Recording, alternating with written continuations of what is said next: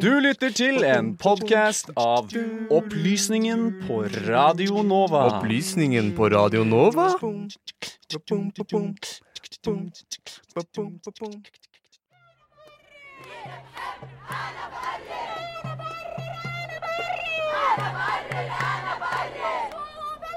Jeg bestemmer, jeg bestemmer, ropes det fra demonstrantene.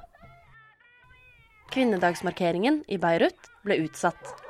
Likevel marsjerte flere hundre personer gjennom gatene den 8. mars.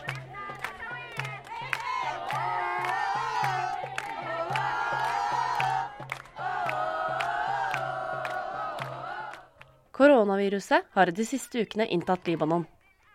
Det var frykten for spredning som gjorde at arrangementet ble utsatt. Mahadim møtte likevel opp for å marsjere, men hadde på seg maske for å beskytte seg. It won't stop you. No, no way. Nothing will stop us. Continue to dance. It doesn't scare you. The corona? We have more than corona in Lebanon. Siden midten av oktober har det vært demonstrasjoner i hele Libanon for å felle regjeringen og bekjempe korrupsjon. Demonstrantene kaller det en revolusjon. En kvinnelig revolusjon. Kvinner har vært aktive i demonstrasjonene, og kvinnelige karakterer har blitt til symboler og inspirasjon for demonstrantene. Noor Mira var blant de ivrigste demonstrantene den 8. mars.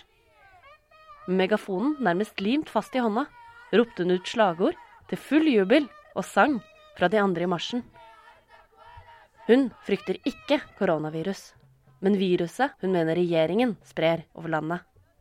The march was supposed to be cancelled due to the coronavirus. But what people don't know is that if we're not going to die from corona in this country, we're going to die from the bit of freedom we have, from all of the oppression that's being that's come onto us. So if we don't do this, we're actually going to die because our freedom is not given to us and our rights are not given to us. So this is even more important than anything that's going on in this country.